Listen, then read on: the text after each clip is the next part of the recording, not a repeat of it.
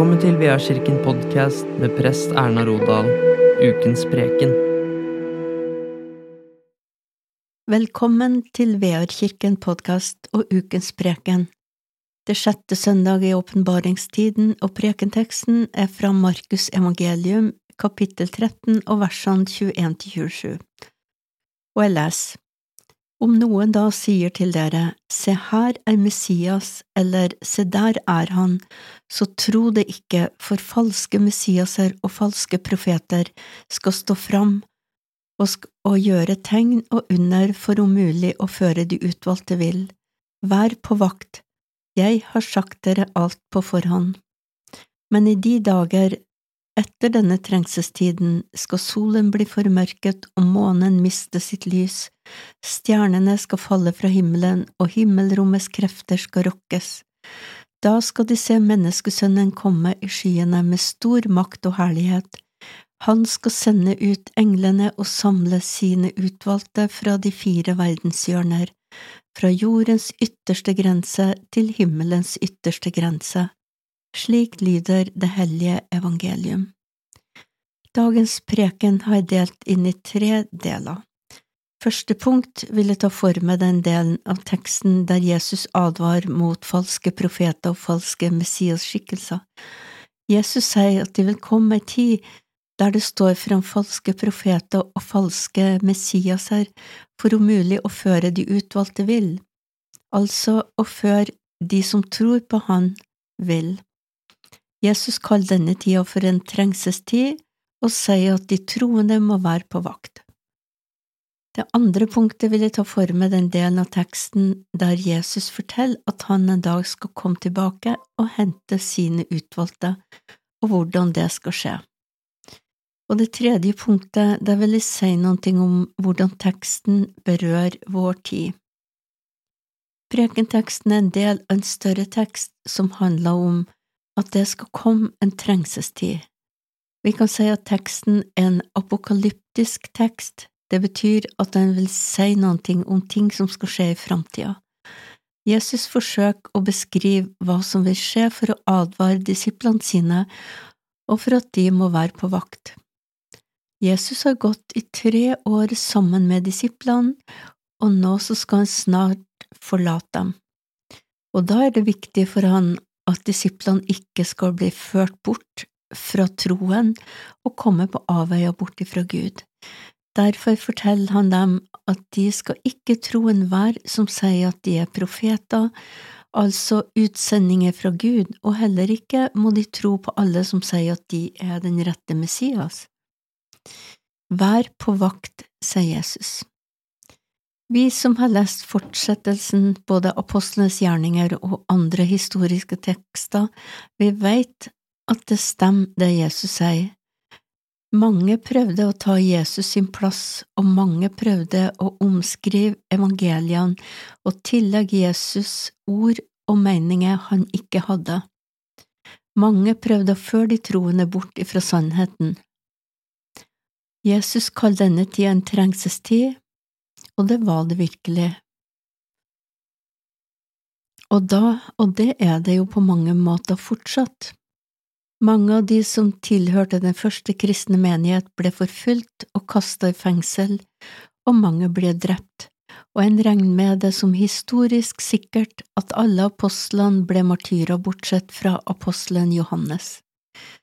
Falske tekster som ble påstått var skrevet av apostlene, og som hadde et innhold som ikke stemte med apostlene sin lære, og heller ikke med de gamle skriftene Jesus hadde lært fra i synagogen.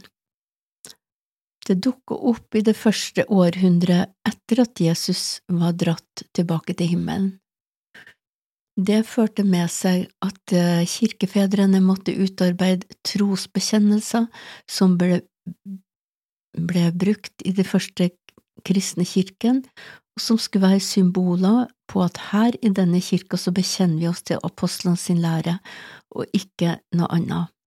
Vi fikk blant annet den apostoliske trosbekjennelsen, som er mest brukt kanskje i både både norske kirke og andre kirker, og så fikk vi den nikenske trosbekjennelsen. Og jeg har lyst til å lese den nikenske trosbekjennelsen fordi at den er den som er egentlig minst brukt. Vi tror på én Gud, den allmektige Fader, som har skapt himmel og jord, alt synlig og usynlig.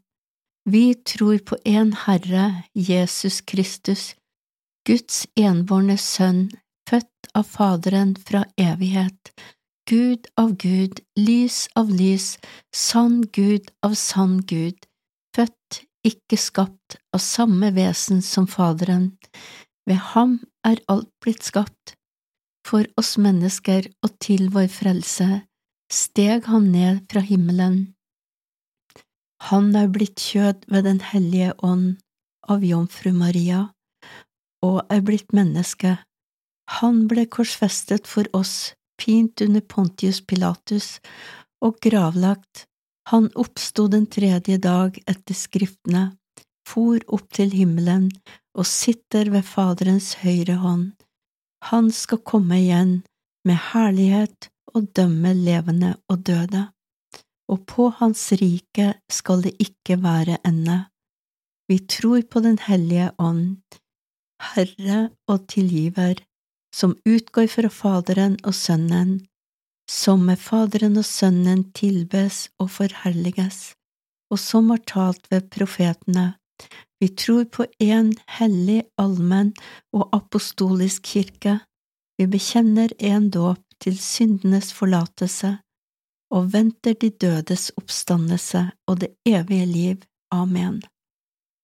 I Den norske kirke brukes mest den apostoliske trosbekjennelsen, som er nevnt nettopp, men ved høytider, ved spesielle høytider, så bruker vi også den nikenske trosbekjennelsen, og den er fra år 325.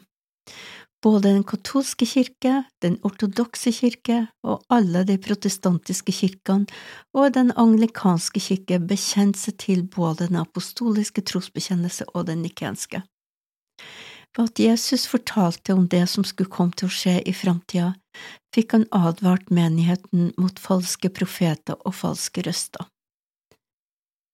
Og så tenker jeg skal si noen ord om Jesu gjenkomst. Jesus forteller at det skal komme ei tid etter trengselstida der han vil komme igjen. Himmelrikes krefter skal rokkes, og så beskriver han hvordan det vil se ut, solen skal bli formørket og månen miste sitt lys, stjernene skal falle fra himmelen, og himmelrommets krefter skal rokkes, da skal de se menneskesønnen komme i skyen med stor makt og herlighet. Han vil sende ut engler for å samle alle de troende fra alle de fire verdenshjørnene. At Jesus en dag skal komme igjen og hente alle de troende som er på jorda, det kommer til å skje en dag. Det er helt umulig å lese Bibelen og tro at Bibelens ord er sannhet, og ikke tro at det vil skje. Det er nevnt i flere av evangeliene. Så det her det vil skje en dag, men dagen og timen når det vil skje, det veit vi ikke, sier Jesus, bare alene Faderen. Det vi veit, er at det vil skje etter at det har vært en trengselstid. Og hvor er vi så i dag? Jeg vil si at prekenteksten er like aktuell i dag som den var på disiplene si tid, ja, kanskje enda mer, fordi vi er nærmere Jesu gjenkomst nå enn noen gang før. Og falske messiaser og falske profeter, det har vi også, har vi også i dag, det har vi sett. Det er like viktig å være på vakt i dag som det var på Jesu tid. Jeg husker faktisk veldig godt en søndag vi fikk besøk av to gnostikere her i kirka som er prest. Etter gudstjenesten begynte de å fortelle om noen ting de hadde oppdaga og som var en smart og viktig hemmelighet. Jeg skjønte fort at det her dreide seg om den gnostiske lære, og da jeg spurte dem om de var gnostikere, ja, så innrømte de det. Den nikenske trosbekjennelsen ble nettopp formet for å være en bekjennelse mot gnostisismen, som blant annet hevda at Jesus er skapt, ikke født, og er ikke av samme vesen som Fader eller ikke ett med Gud, vår Far. Derfor bekjenner vi den nikenske trosbekjennelsen at Jesus er Gud av Gud, lys av lys, sann Gud av sann Gud, født, ikke skapt, av samme vesen som Faderen. Gnostisismen er villedende og ble grundig avvist av kirkefedrene som falsk og ikke samsvar med apostelen sin, sin lære, som også selvfølgelig er Jesu lære. Og vi fikk også den nikenske trosbekjennelsen som symbol og motsvar til gnostisismen. Og hva med trengselstida, sa? Har vi vært igjennom den? Etter min mening så har vi vært igjennom trengselstiden, men òg at uh, på mange måter kan vi si at vi er midt i den. De første kristne menighet opplevde forfølgelse, og mange kristne opplever også i dag stor trengsel og forfølgelse. Det samme har jo jødene opplevd, tenk bare på de seks millioner jøder som ble drept under siste verdenskrig, bare fordi de var jøder. Det er jo helt forferdelig og egentlig helt utenkelig at det kunne skje i det siviliserte Europa. Og også andre etniske folkegrupper har opplevd stor trengsel, sånn som armenerne, for eksempel. Mange hundre tusen armenere ble drept i årene 1915 til 1920. Også i dag opplever mennesker forfølgelse for sin tro, eller bare fordi at de tilhører en etnisk rase. Roper vi høyt nok opp for de som blir forfulgt i dag, eller blir det med oss som det ble med den tyske presten Martin Niemöller, som var motstander av Hitler og nazismen under andre verdenskrig, og er mest kjent for diktverket Likegyldighet? En, en kortversjon av diktet er omtrent sånn som det her. Først tok de kommunisten, men jeg brydde meg ikke fordi jeg er ikke kommunist, så tok de sosialdemokratene, men jeg brydde meg ikke, for jeg er ikke sosialdemokrat. Deretter tok de fagforeningsfolkene, men jeg brydde meg ikke, for jeg var ikke fagforeningsmann. Så tok de jødene, men jeg brydde meg ikke fordi jeg var jo ikke jøde. Til slutt tok de meg, men da var det ingen igjen til å bry seg. Vi har alle et ansvar for å gjøre det vi kan, sånn at forfølgelse på grunn av tro, religion og etnisk etnisitet eller andre ting ikke skjer i dag. Når kommer Jesus igjen? Kan vi egentlig vite når Jesus kommer igjen, eller kan vi vite sånn sikkert om når tid det er, eller nesten, lever i de siste tider? Det som er sikkert, er at vi lever mer nærmere de siste tider i dag enn på Jesu tid, men dagen og timen veit vi ikke, og vi trenger ikke å vite det heller. Vi skal bare være på vakt. Vi skal våge og be og holde oss nær til Gud. Men hvordan holder vi oss egentlig nært til Gud? I Apostelens gjerninger, kapittel 2 og vers 42, så står det at de første kristne, de holdt seg til trofast til apostelens lære og fellesskapet, til brødsbrytelsen og bønnene. Med andre ord, de holdt seg til Bibelens lære, til menigheten, og deltok i nattvær, og de ba bønner til Gud. Gjør vi det samme, så kan vi legge oss med fred og trygghet i hjertet, og stå opp med fred og trygghet i hjertet. Vi er trygge i Guds hender. Dessuten har Jesus lovt å være med oss alle dager inntil verdens ende, og ingenting kan skille oss fra Kristi kjærlighet, og ingen kan rive oss ut av Guds hånd. Det kan vi lese om i Romerne åtte. Ære være Faderen og Sønnen og Den hellige ånd, som var, er og blir en sann Gud fra evighet og til evighet. Amen. Takk for at du lytta til Verekirkens podkast. ta imot velsignelsen.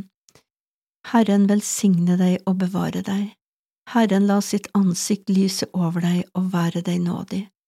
Herren løfte sitt ansikt mot deg og gir deg fred.